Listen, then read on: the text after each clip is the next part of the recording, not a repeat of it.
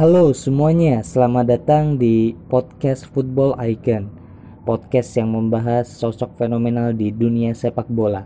Di sesi kali ini gue mau bahas soal salah satu gelandang serang terbaik di dunia abad 21 dari Italia Namanya Andrea Pirlo.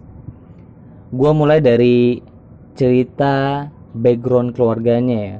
Jadi Pirlo berasal dari keluarga yang sangat kaya, cukup kaya.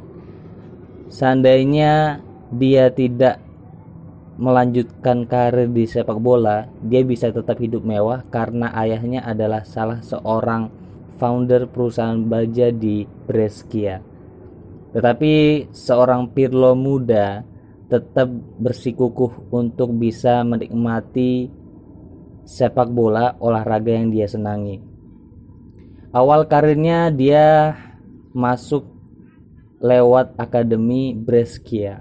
Dia punya pengalaman yang tidak sangat baik. Jadi dia pernah dikacangin oleh teman-temannya, tidak diberikan bola sehingga hal tersebut membuat Pirlo sangat depresi. Akhirnya dia merasa dalam hidupnya punya pilihan, apakah dia harus membiarkan haters yang menang atau dia tetap menjadi dirinya sendiri dan dengan gaya permainannya sendiri.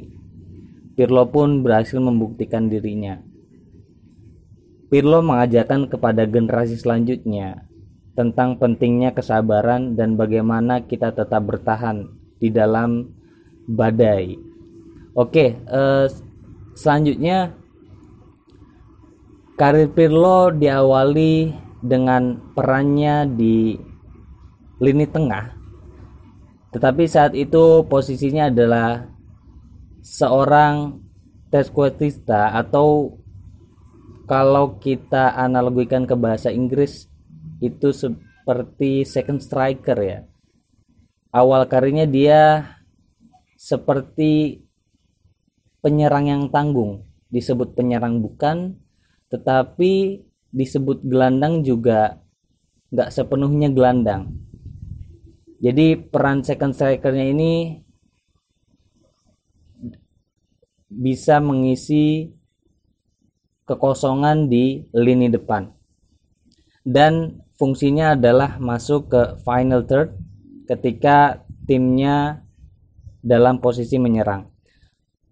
Nah, karirnya di Brescia lumayan menarik. Dia akhirnya bisa sampai dilirik oleh Inter Milan, klub yang diidolakannya sejak kecil, tetapi di Inter Milan tidak cukup begitu baik sehingga dia dipinjamkan kembali ke Brescia. Nah, di Brescia ini dia bertemu sosok seorang Roberto Baggio dan Pep Guardiola.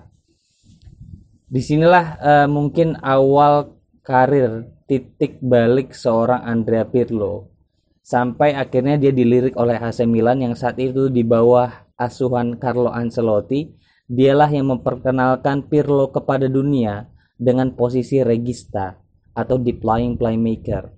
Di sinilah sosok Pirlo yang kita kenal yang kita kenal sekarang sebagai seorang maestro lini tengah itu memperkenalkan kepada dunia fungsi elegan seorang regista. Ngomong-ngomong soal regista, memang fungsi regista ini sangat menarik ya. Menjadi salah satu titik evolusi dari taktik sepak bola juga.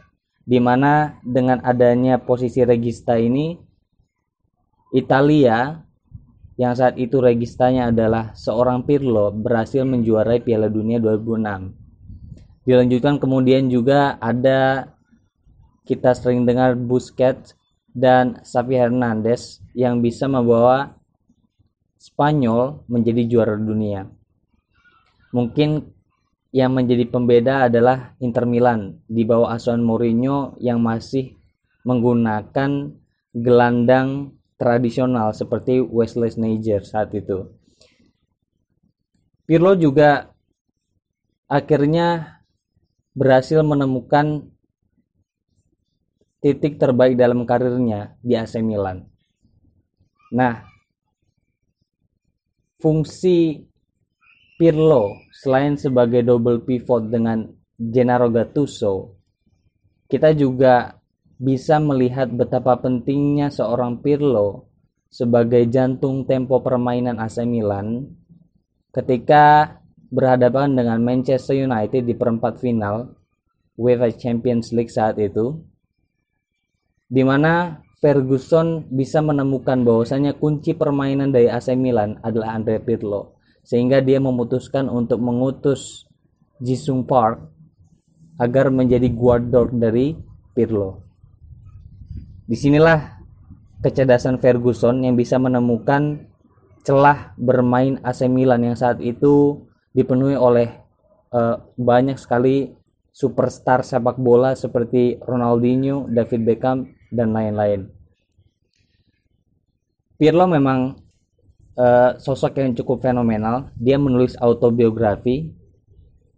I think therefore I play yang menurut gua autobi autobiografi yang dia itu sangat berbeda dengan autobiografi klasik yang lain di mana di dalam autobiografinya itu Pirlo tidak menampakkan secara struktural e, garis sejarah hidupnya tetapi dia menyampaikan apa yang ada dalam pikirannya Pirlo memang seorang yang punya kecerdasan luar biasa, bukan cuma di sepak bola, tetapi dia bisa menganalisis berbagai macam masalah.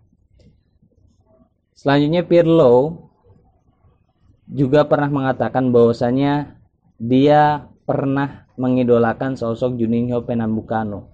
Bagi seorang Pirlo, mencetak gol dari bola mati adalah sebuah kepuasan yang besar.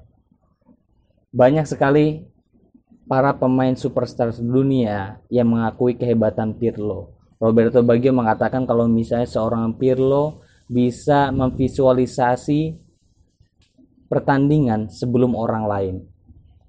Perannya sebagai deep lying perannya sebagai deep lying playmaker atau regista itu sangat sangat berpengaruh dalam perkembangan evolusi taktik sepak bola.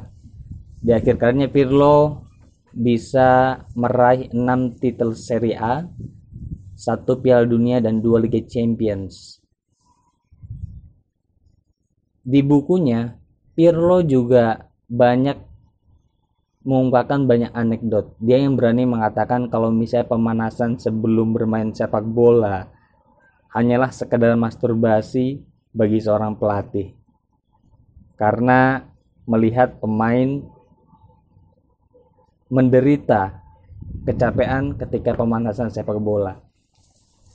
Inilah sosok Pirlo yang kalau dianalogikan adalah sosok yang ekspresif dan cerdas sekaligus juga punya vision yang luar biasa. Mungkin ini aja sesi tentang Andrea Pirlo. Sampai jumpa di sesi selanjutnya. See you next time.